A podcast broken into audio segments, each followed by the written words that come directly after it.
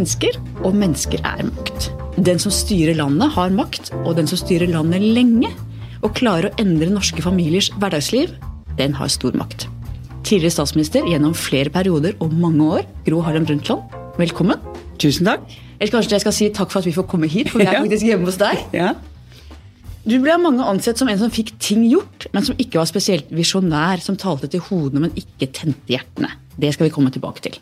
Men først. Du vokste opp i en politisk familie, men hadde åpenbart ikke selv planlagt en politisk karriere. I 1974 ble du kalt på, og tok den jobben partiet påla deg i solid arbeiderpartitradisjon. Det var daværende statsminister Trygve Bratteli som ønsket deg som miljøvernminister. Fortell. Hva som skjedde da? Ja. Ja, jeg var eh, Jeg spiste lunsj i Oslo helseråd, hvor jeg var assisterende overlege for skolehelsetjenesten. Og så kommer Fredrik Melby inn. Han var helsedirektør, da? Han var helsedirektør Han var altså eh, Nei, han var eh, Statsfysikus i Oslo, het det. Han var altså helsesjefen i Oslo. Ja. Og, og jeg var jo ansatt eh, under ham i Oslo helseråd. Så kommer han inn i restauranten, han har tydeligvis spist før da jeg var der, og så sier han Gro, du må komme opp til mitt kontor. Så ber jeg med han opp, og så sier han at du, statsministeren har ringt meg, han vil at du skal komme på hans kontor. Å, sa jeg, det var jo rart. Han bare, han så litt høytidelig ut, og liksom litt, det var litt spesiell. Ja. Og så gjorde jeg det, da. Jeg gikk på det tidspunktet jeg fikk beskjed om. Og da var det denne samtalen. Trygve Bratteli var jo en, eh, en mann med få ord. Jeg kjente ham jo. Hadde vært en, eh, ikke sant, en venn av mine foreldre, og jeg hadde sett ham noen ganger da jeg var barn og sånn. Ja, sett deg ned, Gro. Hvordan går det med Inga og Gubbe? Det var liksom en kort, Han hadde en kort referanse. Det var mor og far. Det, mor og far. Jo da, ja, så. Og så Jeg vil be deg tre inn i regjeringen. Den så du ikke komme. Nei. Jeg, da jeg tenkte på forhånd foran det møtet, så tenkte jeg at det må være abortsaken han vil snakke med meg om, for da hadde jeg skrevet noen artikler sammen med Berthold Grunfeldt. Eh, og de artiklene behandlet kvinner og deres søknader, deres liv, deres skjebne, og hvorfor de søkte om abort, og hva som skjedde i abortkommisjonen som jeg var medlem av. Ja, for du satt i disse nemndene? Jeg satt i de nevnene. Og så da så jeg, Derfor så kom det helt overrumplende på meg, både at den dagen skjedde dette, og innholdet i det Trygve Bratteli sa. Så det var litt av et sjokk. Men du nevnte abortsaken. Det var den som virkelig Ja. tente deg. Du forsvarte kvinners rett til selvbestemmelse med en tyngde og en innlevelse som gjorde inntrykk på veldig mange, bl.a. på bakgrunn av din eh, legegjerning. Ja. Eh, hva husker du best fra abortdebatten den gangen? Ja, det det er klart, jeg husker jo det, de store oppgjøret i Stortinget om familiemeldingen, hvor, og da var det to ting som skjedde som var spesielt. Det var at dette var jo bare noen uker etter at jeg ble miljøvernminister. Og så, da Trygve Bratteli i regjeringsmøtet sa, sa fra hva, hvem han mente skulle delta i debatten om familiemeldingen, så nevnte han selvfølgelig sosialministeren. Det var Tor Halvorsen, da, eller? En, Ja, det må det jo ha vært. Ja, det var det selvfølgelig. Først og fremst han. Det var han som meldingen, familiemeldingen var fremmet fra det departementet, og han var jo blitt sosialminister da jeg ble miljøvernminister. Så det var han. Og så var det en eller to statsråder til, og så var det meg. Og folk tittet jo litt, men de fleste av de, jeg tror regjeringsmedlemmene skjønte hva Trygve Bratteli, hvorfor han gjorde det. Så nei, det var greit, så skulle jeg delta i debatten om familiemelding. Og så hadde vi da forberedende eh, gruppe, altså møte med de som skulle delta. Stortingsrepresentantene og de statsrådene som kunne delta fra regjeringen. Og da var det Tor Oftedal fra Drammen, vår representant. Han protesterte overfor da uh, Trygve Bratteli selv var ikke der, men det var vel uh, Det var Kjell, ja. Altså Som ledet det møtet der. Så han protesterte. Han sa at eh, vi skal da ikke ha miljøvernministeren eh, til å diskutere denne sosialpolitiske saken her. Ja, det har Trygve Bratteli bestemt, sa han da. Ja, han var virkelig eh, irritert, altså. Og han var en av de gamle gutta i stortingsgruppa. Han syntes dette her var å gå for langt. Var det fordi han var motstander av abort, eller var det fordi at han syntes det var Jeg lurer på om det var Jeg vet du, jeg tror ikke han var det heller. Men det er mulig, han var vel ikke så veldig engasjert i det. Det tror jeg nok ikke. Men han, han denne unge kvinnen som de hadde tatt inn som han ikke kjente og sånn, skulle hun da ja, han, Det brøt med lange tradisjoner om hvem som pleide å delta. Så han protesterte av prinsipp. Men det jo, gjorde jo inntrykk på meg, som bare noen uker gammel statsråd, å møte motgang i stortingsgruppa når jeg var blitt bedt om å gjøre noe. ikke sant? Så det er jo det jeg husker best fra denne. Og så var det debatten, da. Og replikkordskiftet etter, etter mitt innlegg og hele greia. Det var fryktelig spennende. da. Og du hadde jo en egentyngde i kraft at du var lege, og som var inne på, du hadde sittet i disse nemndene, du hadde møtt disse kvinnene og sett hvilken avmakt de hadde i eget liv. Ja, ja. Og jeg hadde jo bare bestemt meg jeg, Det var ingen av de som eh, det var i hvert fall 100, kanskje 200 jeg behand, var med å håndtere. Jeg sa ikke nei til noen. Så han gynekologen som er overlege på Aker, han var jo litt oppgitt. Fordi han sa, han sa nei til la oss si to av ti. Og jeg sa ja. Og så måtte saken da ankes til enda høyere instans. Så jeg holdt, fordi eh, jeg følte alltid at det var riktig å støtte det de var kommet fram til. Og jo, det var jo noen grusomme eksempler. Blant annet den mor som jeg Det glemmer jeg aldri. Hun, hun var jo ca. 30, tenker jeg. Og uttrykte overfor oss at uh, hun hadde et barn på seks år, og så var dette neste svangerskap. Hun beskrev hvor vanskelig hun hadde hatt det som mor. Hvordan hun ikke følte at hun håndterte den rollen. Hun aksepterte Hun sa faktisk 'jeg aksepterer ikke at jeg har et barn', jeg, og 'jeg vil ikke ha flere barn'. Jeg klar, altså, det var jo en, en lidelseshistorie og en situasjon som du må jo du må være helt inni den for å forstå at det er noen mennesker. Det er veldig få, selvfølgelig. Men da var han med meg. Enda en mor. Hun hadde ikke spesielle økonomiske vanskeligheter. Hun hadde nok et vanskelig ekteskap, kanskje, hun hadde nok mye personlige problemer, den damen. Men da ble gynekologen med meg og sa nei. Altså sa ja.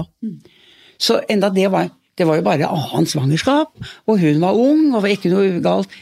Ja. Men de illustrerer dybden av mange av de, og så mange varierte situasjoner du kommer opp i. altså. Og du hadde sett mye både her og andre steder. Du, I en periode kjørte du legevakt i Oslo. Det var faktisk første gang du og jeg møttes. Det husker oh, ja. helt sikkert ikke du, men da jeg var fire-fem år, oi. så kom du på legevakt hjem til oss. Jeg hadde vondt i magen, tror jeg. Oi, oi, oi. Og Foreldrene mine fortalte at det var deg. Jeg husker jeg har bare et vagt bilde av en kvinnelig ja. lege på sengekanten, men det var første gang du og jeg møttes. Sånn var det, ja. Jeg var... Men jeg husker Skien en gang vi var hjemme til middag hos dere. Og da ja. var du en ungdom på 16 eller 18 eller noe sånt. Jeg tror jeg serverte. Ja, ja. Men hva betydde de erfaringene du gjorde deg da du kjørte legevakt rundt i Oslo, for ditt videre virke som politiker? Jo, det betydde mye.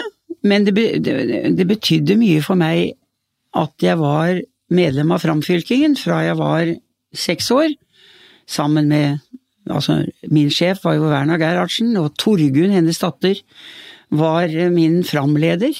Vi lærte så mye i Framfylkingen om forskjeller mellom mennesker, forskjeller mellom områder i Oslo. Jeg var jo opplært i et sosialdemokratisk hjem, så jeg, det gikk inn hos meg allerede som liten jente, dette her. Og da jeg da kjørte, legevakt over hele byen, så så jeg alle de ulike avskygningene av, av livssituasjoner. Så, og jeg studerte jo, eller jeg jobbet i Helserådet med ikke bare med skolehelse, da, men også med forskning omkring barns utvikling og forholdet til sosial bakgrunn. Vekt- og høydetabellene hadde vi jo for hele Oslo. Så jeg drev en historisk gjennomgang av de sosiale forskjellene i Oslo by. Så jeg hadde jo alt dette bak meg òg. Da jeg kjørte legevakt, og det var med meg da jeg ble statsråd, så det var fint. Abortdebatten var jo kvinnenes debatt, både i Arbeiderpartiet og i andre partier. Det var dere som jobbet fram kvinnenes rett til selv å bestemme. Ser du den saken som det første store gjennombruddet for kvinners plass i norsk politikk?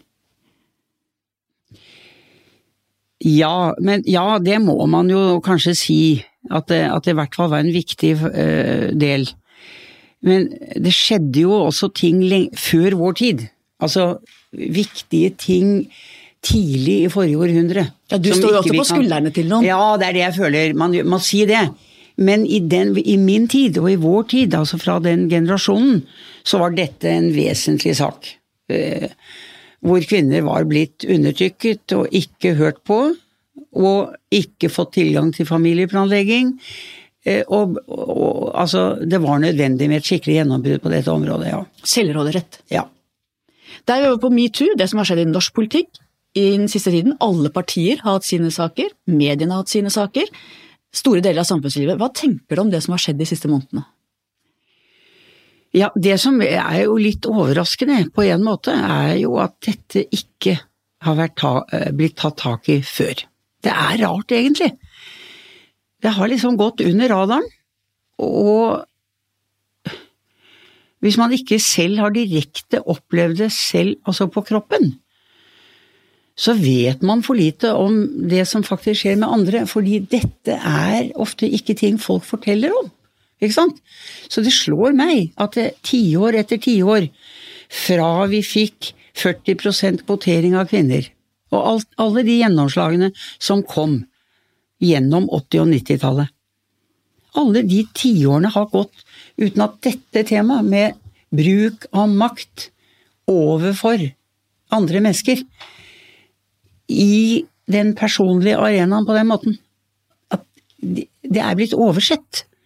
Og blitt skjøvet til side som Og hvis man har ant at noe sånt foregår, så har det vært mer lagt på kontoen Jo, og jeg har jo sett det blitt argumentert på den måten, det er jo lov, det må jo være lov å flørte. Altså, eh, i den derre er det ikke lov å være kvinne og mann og flørte?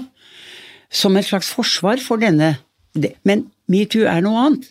Det er bruk av makt til å dominere andre, overprøve deres selvråderett. Det, det er noe helt annet enn å, ha, å forsøke seg med en flørt som ikke blir besvart. For det er jo noe vi alle må oppleve. Det er lov. Og det er en del, er en del av livet, og det må vi jo ikke begynne å, å sette spørsmålstegn ved. Men vi vet hvor grensene går, tror jeg. Men det må vi alle lære, da. Som arbeidsgivere og som ledere for unge mennesker og alt sammen. Fordi det er ikke selvsagt før man har gjennomtenkt det. Og jeg tror at det er et vannskille nå at nå er risikoen hevet i alle miljøer.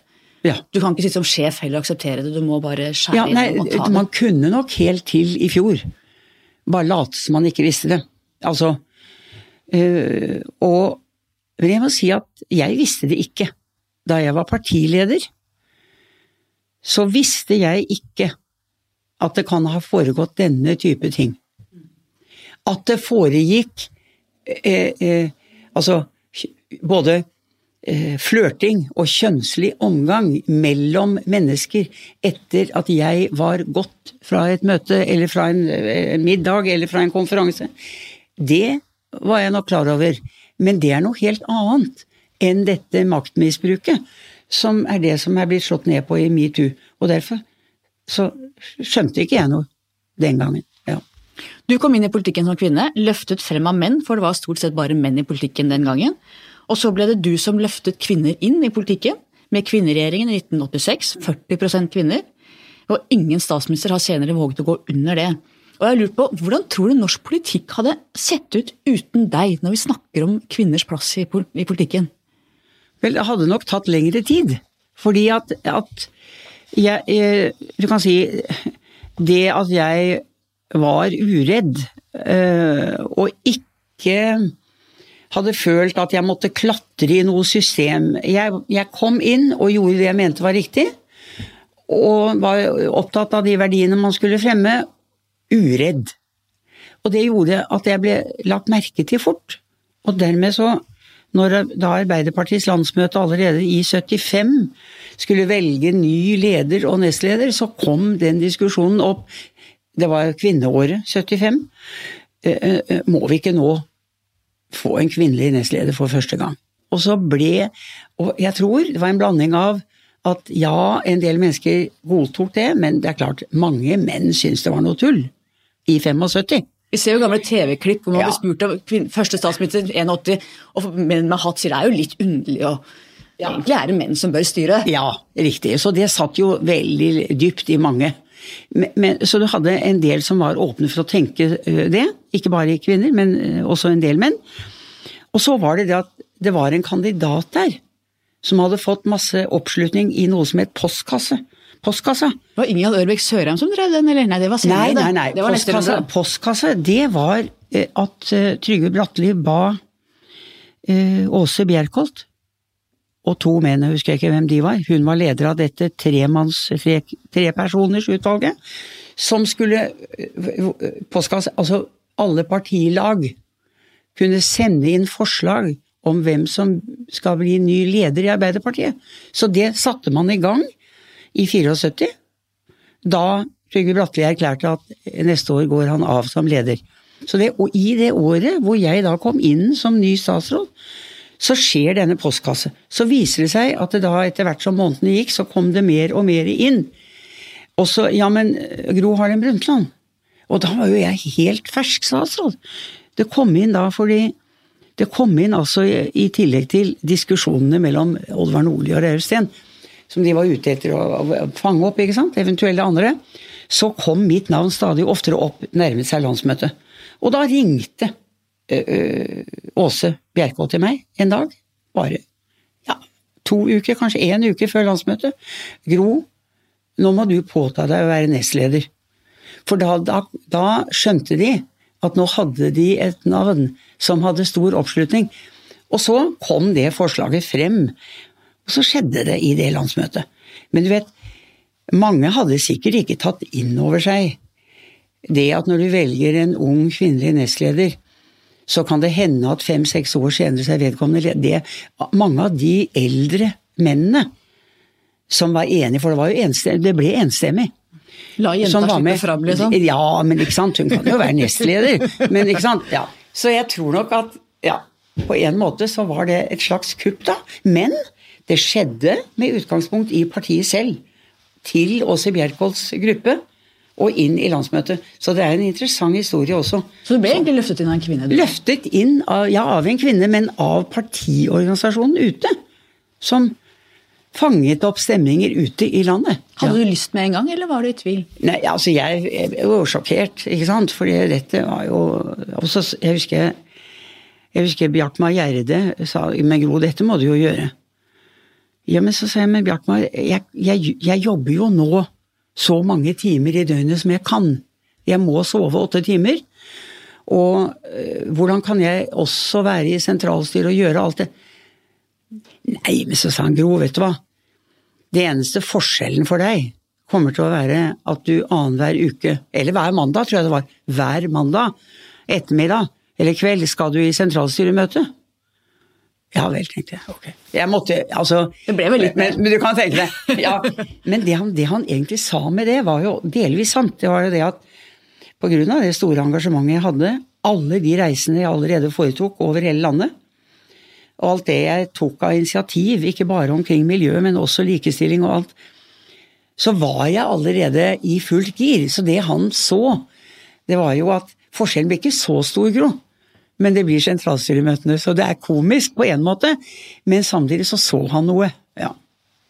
Og da er vi ved det visjonære versus den praktiske politikken. Du ble ofte kritisert for å være teknokratisk, for lite visjonær, ble sammenlignet med store taler som spente opp en høyere himmel, Reiulf Steen, Einar Førde. Hva tenker du om de karakteristikkene? Nei, jeg syns de er dumme, rett og slett. Um, det er jo ingen Det er jo ingenting av det jeg har drevet med, og det som har drevet alle mine politiske initiativ og innspill og jobbing med å få til ting, som har vært noe annet enn drevet av visjoner. Og dette er helt enig og dette har jeg skrevet flere ganger. Nettopp at det å føre en politikk som endrer norske familiers liv, som gjør det mulig, faktisk naturlig for min generasjon kvinner, og alle som kommer etter oss, å jobbe og ha familie, og som gir menn en selvsagt og naturlig plass i sine barns liv. Hvis ikke det er visjonært, Ja, så veit ikke jeg. Men da har vi, du og jeg har skjønt det, da. Ikke Ja, sant? vi har skjønt. Men jeg tror jo at uh, mye av grunnlaget for den type innfallsvinkel, det er at uh, det, når du er blitt en som har en dominerende eller sterk plass i, i, i, på en politisk scene, og nå snakker vi om Norge, men jeg tror det skjer i alle andre land òg, da er jo at kritikerne får jo større og større problemer med å finne ut hva skal du kritisere, altså hva skal du kritisere vedkommende for. Jo mer du lykkes i stor, altså i bred betydning av det ordet, med å få til ting, eller å ha blitt leder, så skal du lete jaha, hvor er svakhetene? Og de som er motstandere av deg fordi de heller ville vært leder selv, de sprer jo da det de kan prøve å gjøre. Men at det der kunne få noe feste, det syns jeg var rart da det skjedde. Irriterte det, deg? ja, det er klart det irriterte meg. For jeg, det var, jeg visste at det var slag under beltestedet, og at det var lite grunnlag for å komme med en sånn påstand. Men jeg har jo sittet og hørt på høytravende foredrag gitt av menn som er flinke til å formulere seg, eh, men som ikke alltid var flinke til å ta konsekvensen av sine egne utsagn og sine egne store vyer. Og det har jeg aldri vært imponert av. Det er når det henger sammen. Alt henger sammen med alt. Ja, det er det. som er Nei, Jeg har jo av og til opplevd å ha intervjuet noen eh, av disse mennene og vært, sittet med blokka og notert og tenkt at dette er veldig interessant, og side etter side, og så skal jeg etterpå gå og skrive ut, og så står det ingenting. Nei, og det er jo skummelt. Det er litt skummelt. Ja. Og illustrerende. Politikk er jo også mye hverdag. Avgjørelser, vedtak, små og store praktiske spørsmål som må løses. Vi som fulgte deg tett, eh, så at du hadde mange tette og nære medarbeidere som du stolte på og brukte aktivt. Men likevel, som statsminister, så er du til syvende og sist alene med det øverste ansvaret. Si noe om ensomheten på toppen. Ja, det, er nok eh, Altså, det er helt riktig som du beskriver det. Det er mange som er involvert, og heldigvis så klarer du å få en del personer rundt deg som du vet gjør sitt beste, og som kan, du kan stole på er eh, skikkelige og ordentlige, og, ja, og som hjelper.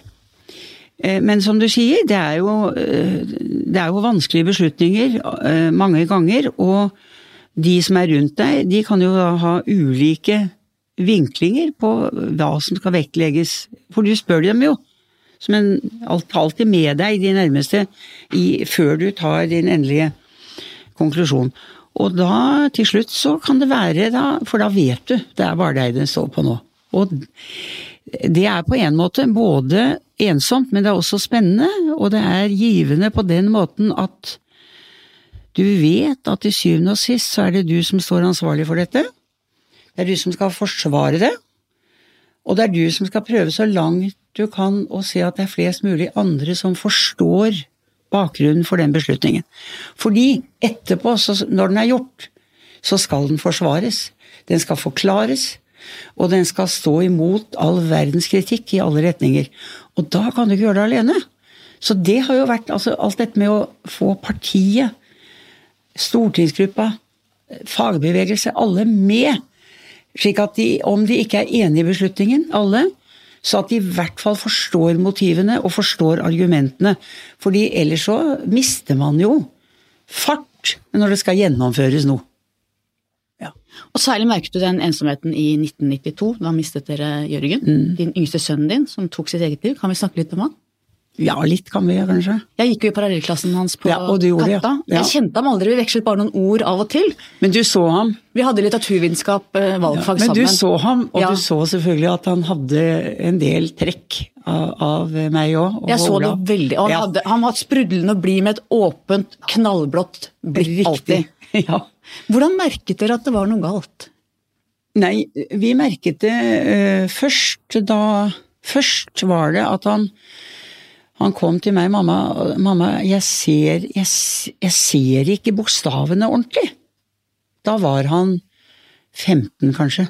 Han, han skulle lese lekser. Og så, så tenkte jeg ja, men Jørgen, da må vi sjekke øynene dine. Altså, det kan være noe med synet. Så husker jeg pekte ut og se på det treet der. Ser du alle bladene og Ja, han gjorde det. Og da gikk vi en runde med øyenundersøkelser. Og der var det ikke noe galt. Og så Hva var det som gjorde at vi da Ja, så kom så, så sa han nok at han var litt engstelig. At det var noe han var redd Så er du redd for det, Jørgen? Altså, det, var litt, det var noen sånne veldig små trekk. Og dermed så hadde vi han til øh, en psykiater som så på han noen ganger, snakket med han noen ganger. Og da kom det tilbake en, jeg husker en uttalelse fra vedkommende psykiater. Dette er en moden ungdom. Han er kunnskapsrik, han har god forståelse. Altså, det kom en skryteliste av hva vedkommende opplevde med Jørgen. Her er det ingenting å bekymre seg for. Jaha. Og så går, så går det et år, og så bryter det gjennom noe som er Jørgens første møte med psykotiske trekk. Da blir han engstelig. Han jobber i, et, blomst, i en blomsterbutikk rett før jul. Så sender blomsterpakker og sånn. Sammen med sine søsken, faktisk. Og så han blir han plutselig redd fordi at han ser at det står politi på utsiden av butikken. Og så er det er vaktene til eh, kronprinsesse Sonja, som er for å hente Eller er for å bestille blomster. Ja.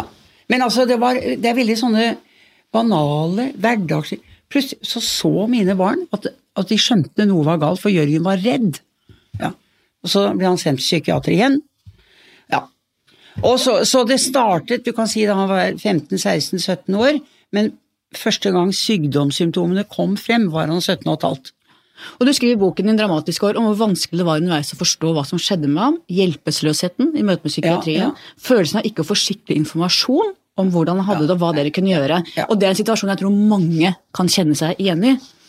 Hvordan opplevde du det? Altså det du skjønner, den gangen så var, mener jeg, og nå jeg kommer nå med en, en, kan du si, en vurdering av psykiatrien den gangen. Da var det altfor lite vekt på den medisinske delen av psykiatrien den gangen. Det var psykologene og sosionomene som dominerte scenen. Det var eh, samtaler og altså til og med de psykiatriske hoveddiagnosene, som altså het den gangen da, schizofrenien og manisk depressiv, selv der så mente psykologene at man skulle snakke med folk. Og du skulle egentlig bruke minst mulig medisiner i hele tatt. Det var, det var den ene. Det andre var, og det var også kom veldig mye fra den tenkningen sosionomene og psykologene tok, det var at det dreide seg om vedkommende og vedkommendes psykologi, som man måtte grave ned i. Foreldrene måtte holdes unna. Det er jo veldig spesielt. Vi fikk ikke, altså Foreldrene skulle holdes unna, for ikke å snakke om når noen var 18.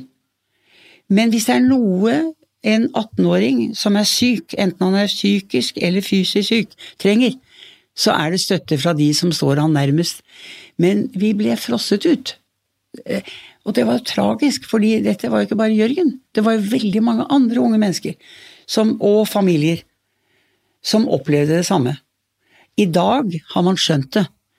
I dag vet man at den sterkeste ressursen rundt et ungt menneske, i de aller fleste tilfeller, er vedkommendes egen familie. Så det, tingene går jo fremover, da. Han var jo syk i åtte lange år av og på. Hva gjør det med familien, med søsken, med foreldre å leve med usikkerhet og den frykten som jo Nei, det, er, det, er en, det, er, jo en kontinuerlig eh, belastning og en kontinuerlig usikkerhet og tvil og fortvilelse. Fordi du føler Altså, du må passe på hele tiden. Se, hva kan vi gjøre? Hvordan går det nå? Hvor er han? Altså alle de tingene der. Og, og så Vi må kunne gjøre mer og så vet du ikke hva mer du kan gjøre. Det er eh, ganske, ganske slitsomt, ja.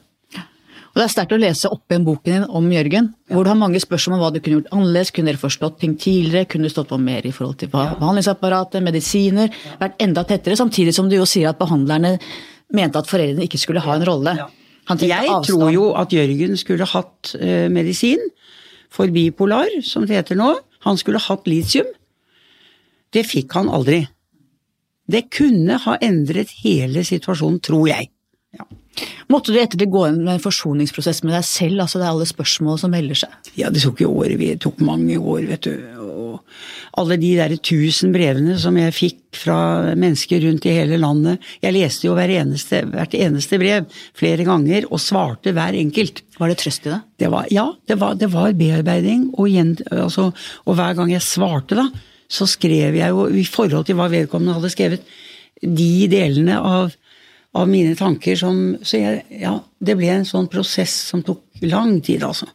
Og det var jo sånn at det tok først eh, i hvert fall ti, men så faktisk 15 år før jeg kunne snakke om Jørgen med noen uten at tårene begynte å renne. Nå kom vi lite grann, men jeg klarte å håndtere det. For nå er det gått så mange år. Ja. Har du noe råd til andre som har mista nære familiemedlemmer på den måten, eller som har mennesker i sin nærhet som sliter psykisk? Ja, altså det, det, det er én ting som eh, jeg er ganske sikker på, det er at eh, altså når noen har mistet noen, og det er også da uansett hva et dødsfall kommer av, så har vi lett for å være engstelige, vi andre rundt. Være engstelige for å nærme oss, og være engstelige for å komme tilbake igjen. Eh, oppsøke igjen. Altså alle går jo i begravelsen. Alle er opptatt av den som det har rammet, de det har rammet, de første dagene og ukene. Og så glir vi unna. Og en av tingene som glir oss unna, det er at vi syns det er vondt å rippe opp i. Og vi tror at vedkommende kanskje bare blir belastet av at vi snakker om den som døde, f.eks. Det har jeg da lært meg at det er feil. Fordi en del av prosessen ved å leve videre uten noen, er jo at du hele tiden må tenke på, må snakke om, må være en del av den personen. De må, Og må da gripe dem tilbake. Ja, du må tilbake. Og, og, og det betyr at venner og familie må ikke føle den frykten for å rippe opp. De må føle mer at det er viktig å gjøre det. Dele, rett og slett. Ja, ja. Du trakk deg som Arbeiderpartileder på landsmøtet i 92, men var fortsatt som statsminister. Jeg var i salen da du fikk ordet, eh, og kunngjorde at dere trengte mer tid. Og det øyeblikket skal jeg aldri glemme. Og du, var- du var, ja, når jeg har sett den filmen, så ser jeg at salen er jo halvtom. Ja, jeg var fordi der. mange var for seint inne. ikke sant? Jeg var der, det var utrolig. Men dette var også landsmøtet hvor Arbeiderpartiet skulle ta stilling til EU-spørsmålet. Og du holdt også tale der du argumenterte for at Norge skulle gå inn. Du fikk Arbeiderpartiet med deg, men ikke folket. Hva tenker du om Norges forhold til Europa i dag? Jeg tenker først og fremst at jeg er glad for at vi eh, hadde eh, tatt de riktige skrittene mot eh, EØS-avtalen, og at den var sikret før vi i det hele tatt hadde ny folkeavstemning om EU. Det er jo din baby, egentlig, E EØS. Den, ja, det er den virkelig. Det vil jeg si. Altså, starten er jo egentlig Ja, starten er det indre marked, som ble vedtatt i 85. Så kommer vi inn som ny, stats, eh, ny regjering i 86. Og det var ikke lenge da før vi begynte å se på hva skal vi gjøre når de har vedtatt det indre marked, hvor EFTA-landene ikke eh, er med i regelverket. Dette går Altså, vi måtte gjøre noe. Så det var jo kan si Eldrid Nordbø og jeg så dette tidlig, og hun var jo min eh, statssekretær på statsministerens kontor, og vi begynte å jobbe med de tingene. Men så eh, kom Ja, så inviterte vi Jacques Delors, og han var jo Dere bonda veldig, du og han. Ja, så gjorde vi det, og vi snakket om, og vi sammen, så jeg fortalte han at jeg ikke trodde at eh, Norge og de andre nordiske land, altså Sverige og Norge, Finland, ville være modne for EU-medlemskap. Det ville bli vanskelig, også nå. Men vi er samtidig avhengig av å bli en del av Europa og det indre marked. Og så laget vi denne Ja, kan vi, kom, kan vi koble sammen EFTA og EU med en avtale? Og det ble jo da Så det fortsatte. Husker- Men så kom jo Torbjørn Jagland og tråkket i salaten, for å si det sånn. Det mener jeg virkelig han gjorde. Med boka altså, Med boken, ja. Min europeiske da drøm. Min europeiske drøm. Og det, han hadde jo ikke sagt til oss i partiledelsen Han var partisekretær, og han hadde ikke eh, på en måte hatt noen avvikende vurdering av alt det vi gjorde med Han var, han var enig i alt det vi gjorde med EØS. Plutselig kommer den boken. Og da kom EU-spørsmålet på dagsordenen? Og da kom EU-spørsmålet på en annen måte på dagsordenen. Og det ble vanskelig å håndtere, for da ble det mer splittelse i Arbeiderpartiet, og ikke mindre. Og i fagbevegelsen. Fordi det er klart var prematurt. alle, Ja, det var det. Alle de i fagbevegelsen var skeptiske overfor en avtale selv mellom EFTA og EU. De ble jo mye mer skeptiske. Aha, det er medlemskap de er ute etter. Dette er bare en stasjon på veien. Ja, mens for meg var ikke EØS bare en stasjon på veien, det var en endestasjon. Der og da. Jeg visste at det var stor risiko for at noe mer kunne sprekke. Sa du fra til Torbjørn Jøkland den gangen? Ja, det gjorde jeg, men uh, han smilte og, og altså, jeg kunne, altså jeg laget jo ikke noe svært oppgjør, men han visste hva jeg følte. Og, men det var Men så kom neste Det var, én stor uh, negativ hendelse. Men så kommer også at Sverige, under Ingvar Carlsson, plutselig vedtar et budsjett hvor det i siste punkt står at og så skal vi søke medlemskap i EU. Det husker jeg, det var big news. Hallo. Ja, så det var to sånne skikkelige gjerder som ble satt opp. Skjønte du hva det innebar da? Ja, det, det var jo en ny katastrofe, ikke sant. Øh, Og det, jeg mener det er et under at vi klarte å få saken gjennom i Stortinget. Det Tre fjerdedels flertall. Med EØS-avtalen? Ja, ja. Men der hadde du god hjelp av Kjell Magne Bondevik. Ja, nei, altså, ja, men jeg måtte jo holde han i hånden hele tiden. Jeg måtte jo han og Gjønnes. Kåre Gjønnes, parlamentarisk leder. Flere ganger. Fordi de slet jo innad i sitt parti også. Og det er klart at sånne ting som boka til Torbjørn og Ingvar Carlssons eh, beslutning i Sverige, det gjorde det jo ikke lettere for Kristelig Folkeparti heller. Så det, det, det holdt bare så vidt. Ja, utrolig intens periode, og Ja. veldig gøy å jobbe Ja. som politisk journalist Ja, den gangen. Eh, I dag har vi brexit og flyktningkrise. Store deler av det gamle Øst-Europa står mot det gamle Vest-Europa. Ville du anbefalt Norge å gå inn i dag?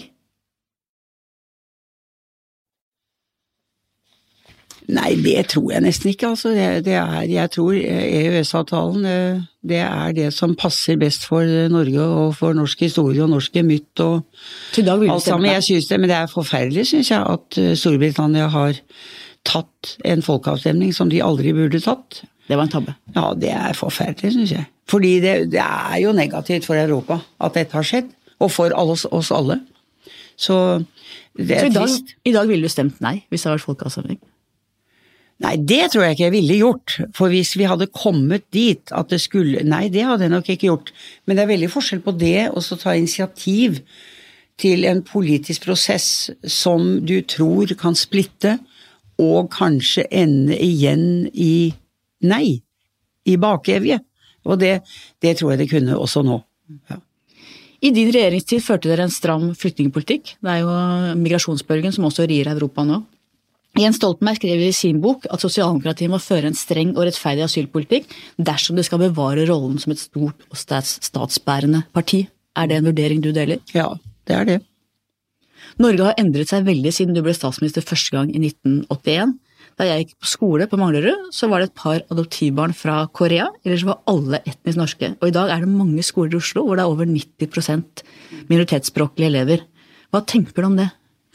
Jeg tror at altså, det er et faktum at disse endringene har vært store. De har vært eh, fundamentale, og de har gått over veldig kort tid. Det er et problem for ethvert samfunn. Store endringer som da splitter generasjonenes eh, opplevelse av sin egen eh, hverdag. Eh, Det har gått så fort og vært så store endringer at det er klart det, det skaper store utfordringer. Det er det ingen tvil om. Og det at vi i Norge var tok altfor lang tid før vi begynte å stille krav, før vi begynte å støtte opp og stille krav om norskundervisning, Fordi sosionomene fortalte oss, og jeg sier det på den måten, for det er ikke deres skyld, for vi skulle ikke ha hørt på dem. Nei. Det ikke, men, men, det, bare, det var der det kom fra. Eh, jo, alle mennesker har rett til sitt eget språk, sitt eget morsmål. Og he, den, den styrken i det argumentet fikk altfor stort gjennomslag. Det høres så riktig ut, ikke sant? Det, og så fører jo da den politikken til at barna som vokser opp med urdu, ikke bare som morsspråk fordi mor snakker urdu, men de skal lære det til og med på skolen. Bli tatt ut av annen undervisning for å fortsette å lære et morsspråk som de ikke skal bruke. De skal bo i Norge. De har flyttet hit for godt. De er norske? Ikke sant? Det er helt meningsløst hvor lang Og det varte altfor lenge før vi klarte å snu det. Men det er jo lenge siden. Jo, men det er lenge siden erkjennelsen i, på tvers av hele det politiske miljøet er blitt stor. At folk må lære norsk. Hvordan kan de bli en del av norsk arbeidsliv og norsk samfunn uten at de kan norsk? Det, men det, jeg bare bruker det som et eksempel på hvor lang tid dessverre det tok før vi skjønte at vi måtte si nei til disse høye idealistiske prinsippene, som i praktisk virkelighet ikke blir riktig. Ikke for de som kommer, og ikke for de som er her. Ikke for noen. Tenk på Amerika. Alle som har flyttet til Amerika over de siste hundre og mer år, og blitt amerikanere. Det var ingen som tenkte tanken at ikke alle måtte lære seg engelsk. Det var ingen som, ingen som reiste spørsmålet engang. Jeg tenkte Vi bodde jo noen år i USA. Hvis jeg hadde kommet på skolen der så at mine barn måtte få norskundervisning på skolen, så hadde jo trodd at jeg var helt gal. Ja, selvfølgelig. Men hadde du vært òg? Man må lære det språket der man skal bo og leve livet sitt. Ja. Og, og hva, Hvilke følger har dette for bærekraften i det norske velferdssamfunnet, tenker du? Ja, nei, altså det, det er klart at uh, samfunnet har da endret seg på grunn av alle de endringene som har skjedd allerede.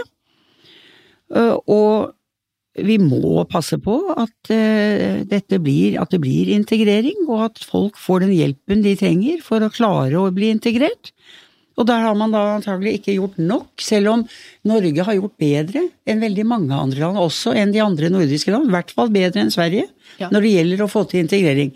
Så vi har, vi, dette har jo vært på vår dagsorden nå i 30 år. Det har vært en del av norsk politikk, og det har vært drevet i den retningen.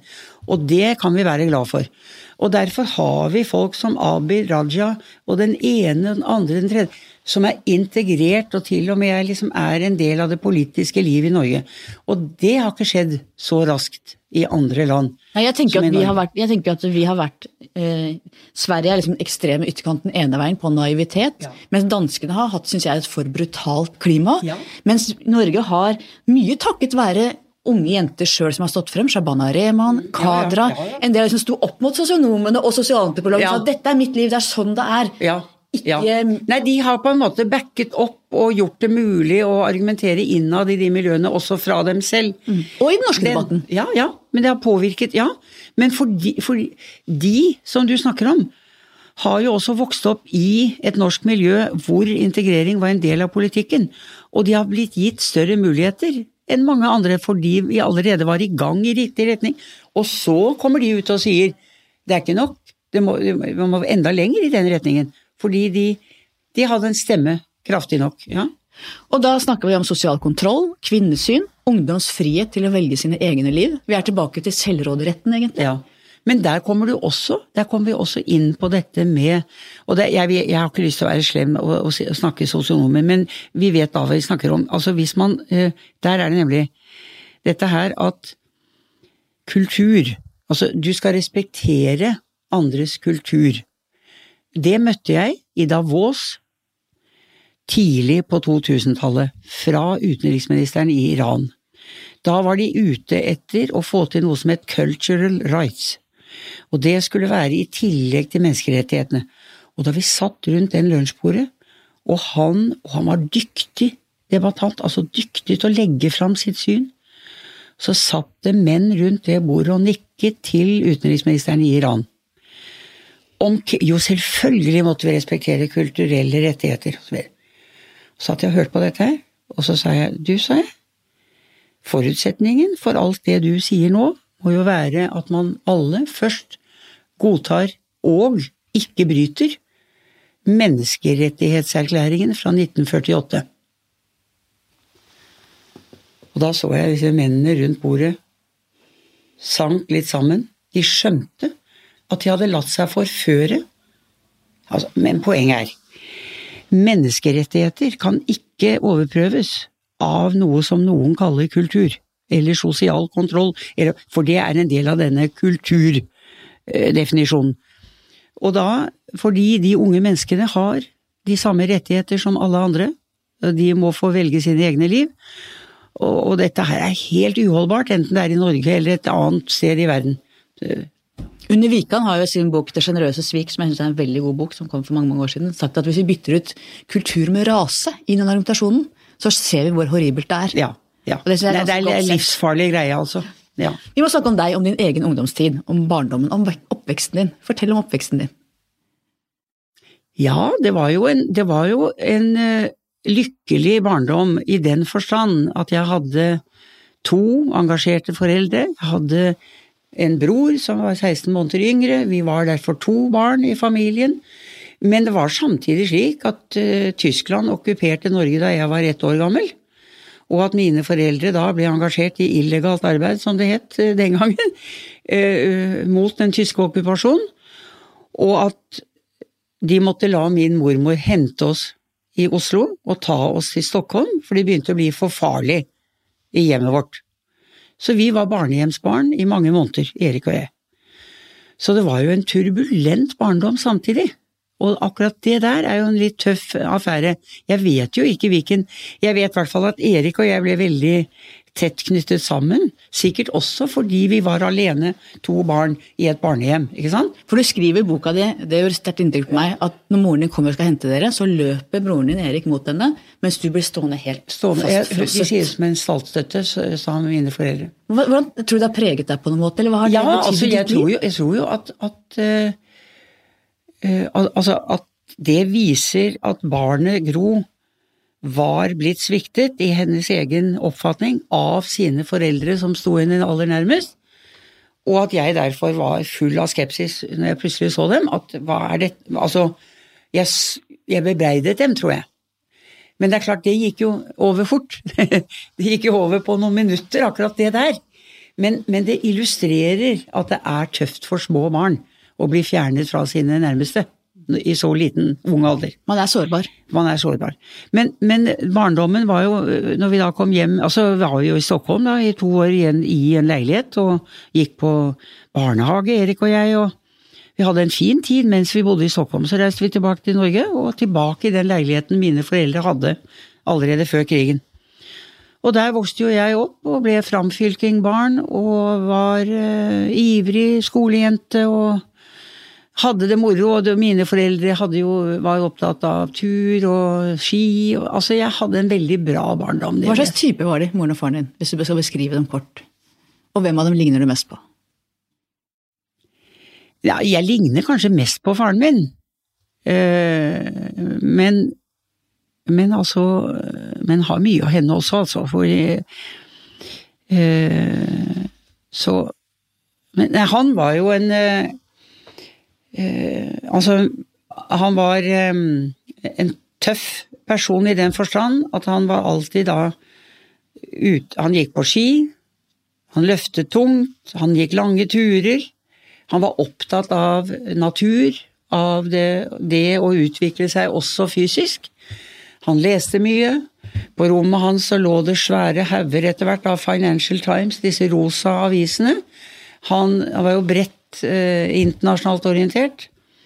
Så jeg opplevde jo et, et, hjem som var sosialdemokratisk og internasjonalt. Og opplyst. Ja, opplyst. Og det var jo min mor òg, hun eh, fulgte godt med. Og hun hadde studert juss i flere år, inntil hun fikk Lars, vår eh, yngste bror.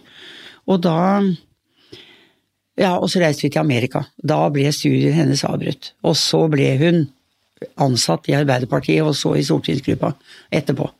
Og der gjorde hun en kjempejobb med å hjelpe unge representanter som ikke var vant til å skrive. Hun, så det var ikke bare at hun skrev det de hadde, men hun skrev innleggene for dem.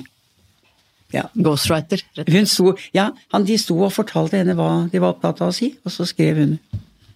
Og I likhet med deg, så, meg, så hadde du en sterk mormor som betydde mye for deg. Min mormor skilte seg fra en prest på 1930-tallet. Det var ja. ikke så mange ja. skilte prestefruer den gangen. Min mormor skilte seg, ja. Nettopp, det ja. gjorde hun også. Du har sammenlignet henne med litt som moderne Nora i Ibsens Et dukkehjem. Ja. ja, for hun var altså hun, hun giftet seg da hun bare var 18 år gammel. Og så fikk hun to barn.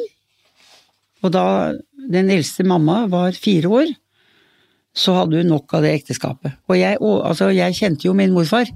Han var jo på mange måter en flott fyr, men han var av den gamle tradisjonen. Så hun har opplevd å ha en ektefelle som har tatt det som gitt at hun er hans hustru. Og hun eh, skal være en del av eh, det å bygge et hjem og alt det. Altså, men hun hadde andre tanker om livet. Og hun ville studere og ja. Selvråderett. Selvråderett. Ja, det er det det var, altså. Ut. Ja. Du hadde jo både en typisk og en utypisk Arbeiderparti-bakgrunn, egentlig. Det tok tid før du ble akseptert av de tunge, tradisjonelle gutta. Å lese din historie minner meg på mange måter om Hadia Tajik. Kan du skjønne hva jeg mener med det? Ja, ja, jeg, jeg skjønner det. For uh, altså Ja. Hun uh, Altså uh, jeg, jeg, minner litt om henne på en måte, syns jeg. At det er noe, det er noe likt.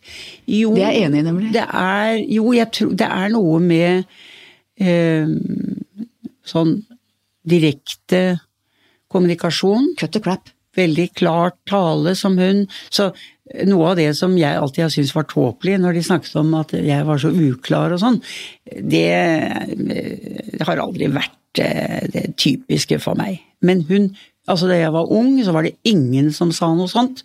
Da var det Håkon Lie som sa dette her er en eh, ny og viktig person på, liksom blant våre her nå.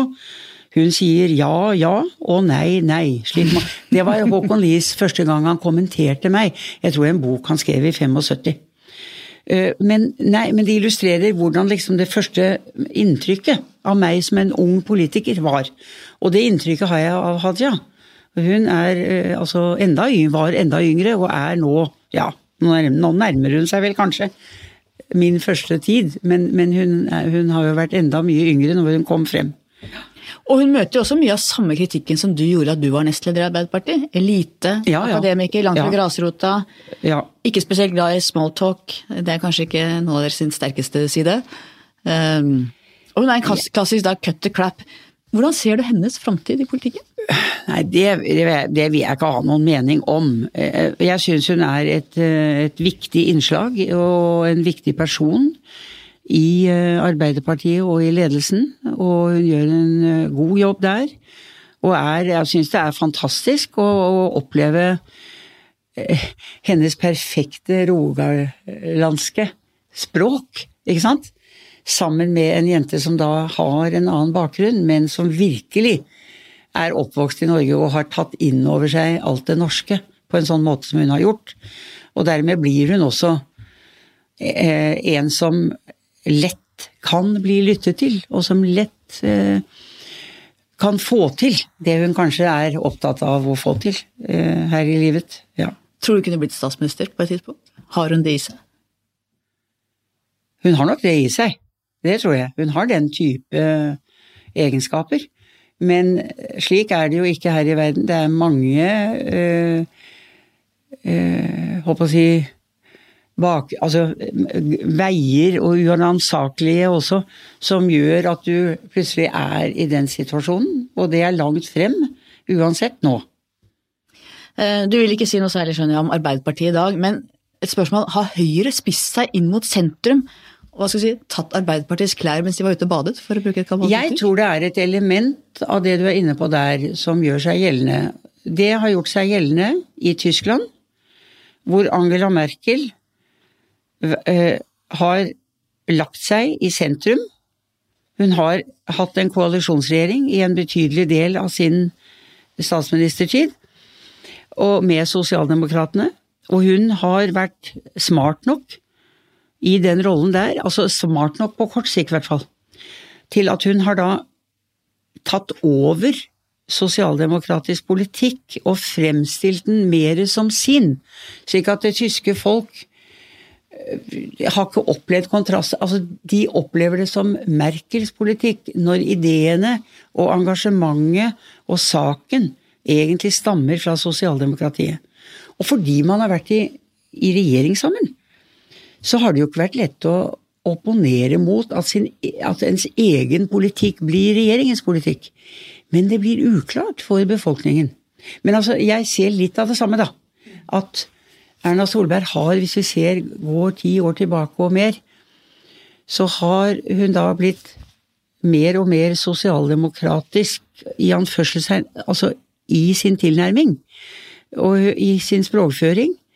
Så bruker hun ord og vendinger som ligger nærmere våre, og mye og færre av de gamle Høyre-argumentene og Høyre-slagordene.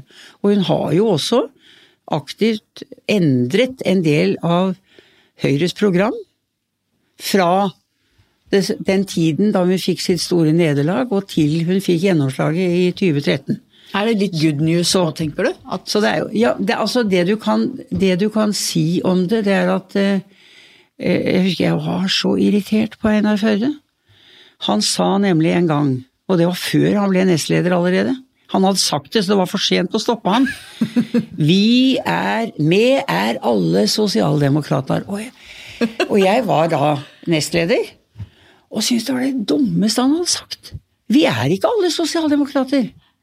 Så hvis vi skal kjempe for verdiene som sosialdemokratiet står for, så må vi jo ta vare på dem og argumentere for dem og presentere dem som våre på en sånn måte at vi også kan få med oss folk til å støtte oss. Så jeg husker jeg var helt frustrert. Men når det er sagt, hvorfor nevner jeg det? Jo, fordi mye av den tenkningen og de verdi, verdivalgene og likhetstanken og mye som står midt i sosialdemokratiet, er gradvis gått så inn i det norske samfunn at partiene som har vært til høyre for oss, har anammet en god del av det. Fordi, både fordi de etter hvert selv ble overbevist, tror jeg, men også fordi skal de ha velgere, så kan de ikke ta avstand fra den type ideologi. Så det Og det gjør jo at det blir at, at du kan risikere at kontrastene blir Eh, vanskeligere å få tak i. Det blir uklart, men trygt blir, på en måte? Det blir uklart, men kanskje også Ja, folk ville sikkert synes det er trygt. Eh, men, men eh, for sosialdemokratiet så er det jo en utfordring at man må Man må få fram sine egne programposter og sentrale argumenter på en sånn Og selv om det er, det er alltid kjedelig vet du, å gjenta argumenter. Altså, det er slitsomt som ledere og som representanter for et parti. Fordi journalistene er jo ikke så opptatt av å høre det de hørte i fjor, og, men det er bare det at eh, det man hørte i fjor, og det man hørte for ti år siden, det gjelder fortsatt. Og hvis det ikke blir gjentatt, så, så glemmer folk det. Altså, man må faktisk gjøre den jobben, da.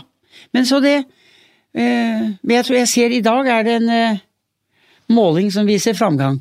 Så nå snur, da blir du glad? Nå snur det kanskje. ja. ja. Um, Sosialdemokratiet sliter i hele Europa. Hva er veien videre? Hva, hva, hvordan kan man liksom gjenvinne det hegemoniet man har hatt? Ja, hegemoni det kan jo være knyttet til en æra av eh, verdenshistorien eller Europas historie, hvor de ideene og tankene og den drivkraften og klassebevisstheten, alt som drev fram de store endringene fra begynnelsen av 1900-tallet og frem ut forrige århundre. Altså hele Da ble det en så sterk og samlende kraft og en så stor styrke bak at man kunne ha eh, velgertilslutning på 50, 45, 42 osv. Sånn som det har vært i Norden, og sånn som det har vært delvis i Europa òg, i noen av, av, noen av, årene. Eh, men eh, det er vel det å få et så sterkt hegemoni, altså som det som var der med 50 Det tror jeg faktisk kan være vanskelig i en tid hvor det er blitt så mange flere som er tryggere, som er, har øh, fått muligheter til å lære og til å jobbe og få Og det gjelder kvinner og menn. Altså, det er så mye større eh, bredde og, og nyanser i hva det er folk driver med og er opptatt av. Så da, da har det jo kommet flere eh, krefter. Altså først har du mer frivillig organisasjonsliv, som dels er sterkt styrket i forhold til hva det var for 50 år siden. For nå snakker jeg i et lengre historisk perspektiv. Og, og så har du fått eh, Ja, du har til og med fått nye partier.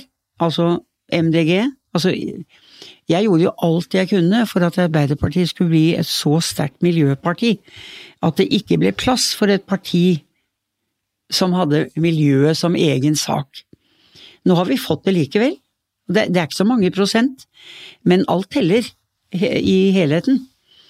Så, men at Arbeiderpartiet kan bli det sterkeste partiet og den sterkeste politiske kraft i Norge, sånn som man har vært, det er jeg overbevist om kan skje, og vil skje. Altså, og da snakker vi om at man er opp mot 40 eller rundt 40. Det tror jeg det er gode muligheter for, for det er fortsatt, eh, hvis man ser på norsk arbeidsliv, alle de utfordringene som er der, så må både fagbevegelsen og Arbeiderpartiet eh, ha en stor rolle å spille. Og hvis man leser vårt program fra nå, fra siste program, så er det sterke innslag der av ting som trengs å gjøres, og som den nåværende regjeringen stille og forsiktig forsøker å endre. Altså det, det er Så jeg tror at det kommer uh, ny politikk og, og, større oppslutning om en del av på bakgrunn av noe av det som da skjer, ikke minst når det gjelder arbeidslivet. Jeg hadde Yngve Haagensen i podkast også. Oh, ja, ja. Den har jeg ikke hørt på, det burde jeg jo ha Ja, den vil du ha glede av. Ja. Eh, men han var opptatt av at han mente at dagens LO-ledelse var altfor veik. At han hadde ikke funnet seg i det som de har funnet seg i nå. Var, da var han oppbrakt over det som har skjedd fra den borgerlige regjeringa, og mente at eh, LO bør kjøre mye hardere. Ja, altså Arbeiderpartiet og LO bør kjøre hardt nok til gjennomslag. det var pragmatisk og godt. Den Store verden er også mye uro. Du er med i The Elders. Ja. Fortell om det. Kan dere redde verden? Nei, det tror jeg ikke. Men vi kan gjøre eh, en innsats som eh, kan være litt annerledes enn eh, en regjering, eh, eller regjeringer, eller en, en sterk NGO fordi dette med at vi kommer fra ulike deler av verden, hvor alle har en betydelig politisk erfaring Mange tidligere statsledere. Og integritet. Altså at vi er respektert som tidligere ledere. Alle er uavhengige, vi er ikke under instruks av noen regjering. Det gjør oss spesielle. Og det gjør at noen ganger så kan det vi sier og gjør, gjøre inntrykk et sted hvor en regjering eller en NGO ikke ville gjøre det. Og det vi, let, vi ser da etter hvor kan vi mest gjøre en jobb som kan bety noe. Hvor er det at det faktisk kan være mangel på en litt sånn uavhengig tilleggsstemme?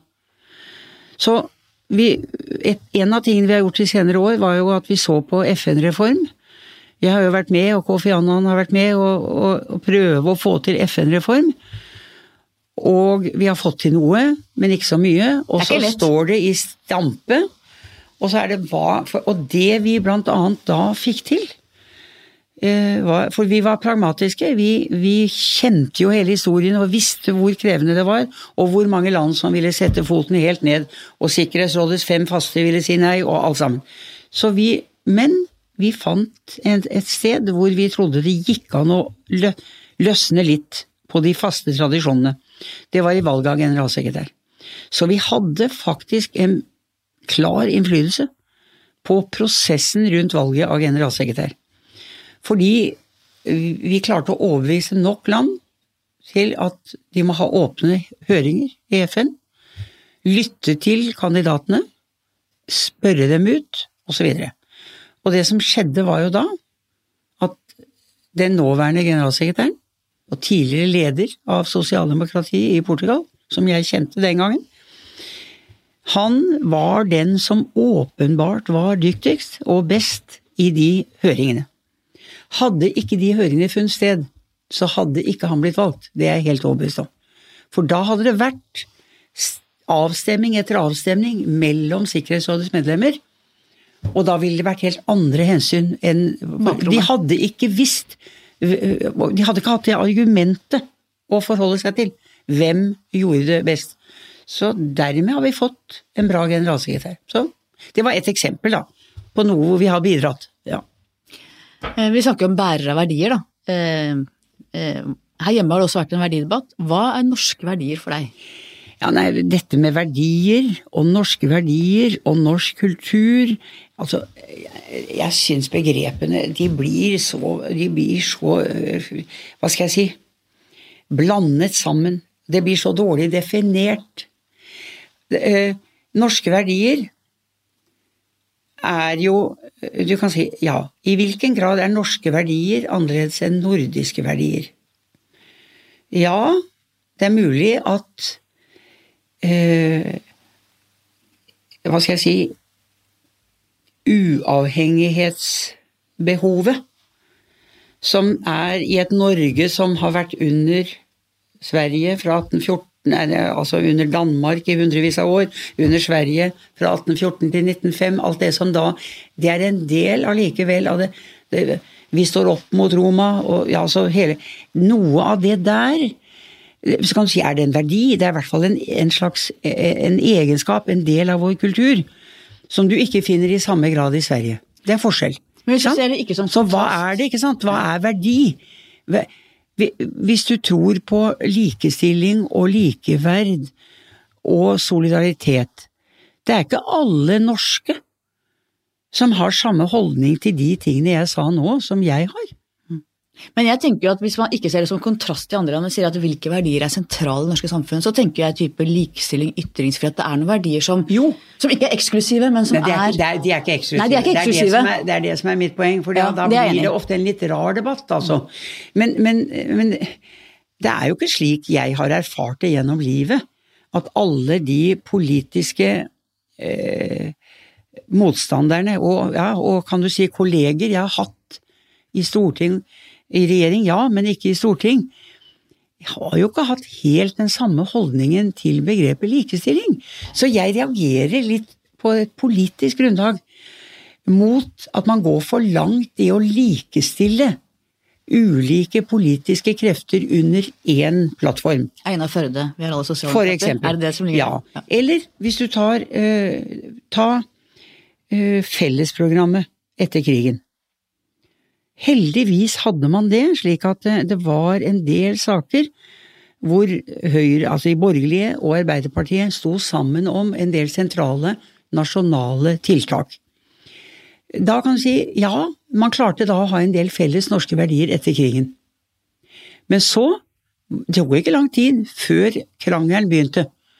50 allerede, jeg husker valget i 49, jeg. Og, og, og ja, eh, men, men det er, da er det kampen i samfunnet om eh, hvem det er som skal prioriteres, og hva som skal prioriteres. Er en, en del av norske verdier er jo, som du sa, ytringsfriheten. Og det at det faktisk er ulike holdninger og syn på ting. Så jeg liker ikke en sånn lapskaus hvor man blander sammen og later som vi alle er sosialdemokrater. Vi er ikke det. Da, da kunne man jo bare ha lagt inn årene. Nei. Nei. Hvordan ser du religionens plass i det norske samfunnet, før og nå? Ja, altså Det er klart at religion har en mindre utbredt rolle, hadde i hvert fall. Eh, Nå har vi også mange muslimer, så nå blir det litt mer komplisert. Så nå snakker jeg vel kanskje 20 år siden. Den norske eh, religiøse eh, scenen var jo svekket når det gjaldt hvilken innflytelse den hadde i samfunnslivet, i kulturlivet og i selvfølgelig i politikken. Eh, Men eh, så nå er det jo et litt mer mangehodet eh, troll her, fordi nå finnes det da andre regioner som har en litt større plass blant de menneskene som bor i Norge, og som er nordmenn.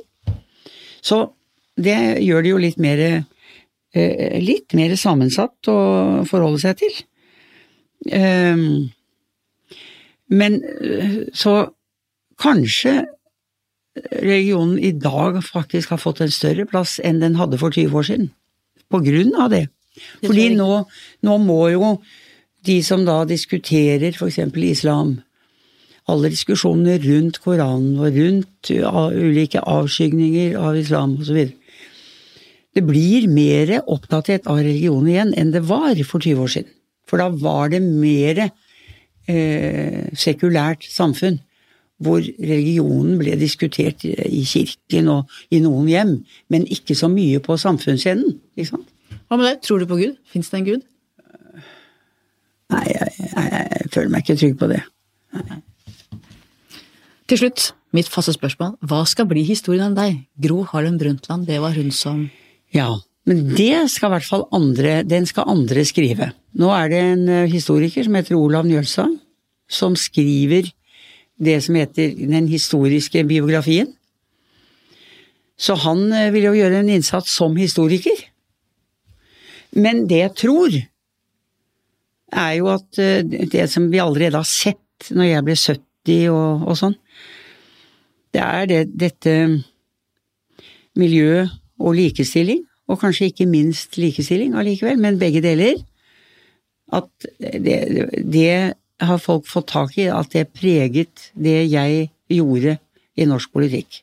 Og at det da kvinneregjeringen, miljøengasjementet og endringer i norsk politikk på disse områdene, og på familielivet, som du var inne på, det er det som jeg vet allerede står der. Men en ting som jeg vet tok like mye krefter som det vi nå snakket om, det var jo kampen for å få norsk økonomi inn på fast grunn fra 86 og utover, og også og innad i arbeiderbevegelsen og fagbevegelsen å få frem at vi må produsere det vi skal dele, og vi, vi kan ikke pøse statlige midler inn på underskuddsforetakene for å redde arbeidsplasser. Da må vi skape nye arbeidsplasser. Altså hele den fornyelsen i den økonomiske tenkningen også, og arbeidslivstenkningen, hele kampen for EØS og gjennomføringen av den, det er like viktige deler av det jeg tenker på når jeg tenker på min rolle i norsk politikk. Så har du jo et liv som spenner mye lenger og ut og videre, og da er det klart, da er det sånn Da blir det mer mother of sustainable development. Vi hadde en journalist her nå, rett før du kom, som intervjuet meg omkring sustainable development fra, for, for The Site hun var islandsk, men hun intervjuet for Decide. Og det første spørsmålet hennes dreide seg om hva mener du, og hva sier du om det å bli kalt mother of sustainable development? Så det blir jo ikke en annen del av ettermælet mitt, da. For, for, våre unge lyttere så var du altså leder for Verdenskommisjonen for miljø og utvikling på var det 1985? Det var fra 87, nei fra 83 til 87. Ja. Som la grunnlaget for begrepet bærekraftig utvikling. Bærekraftig utvikling, ja. Så du håper en tilleggshistorie om deg skal være at hun som moderniserte Norge og skapte en bærekraftig økonomi? ja, og bidra til det globalt, ja. ja. ja. Tusen takk for at vi fikk ja. komme hit. Mm. Takk til deg som hørte på. Takk til researcher Grete Ruud, vår faste produsent. Magne Antonsen. Vi høres igjen om en uke. Eller kanskje to.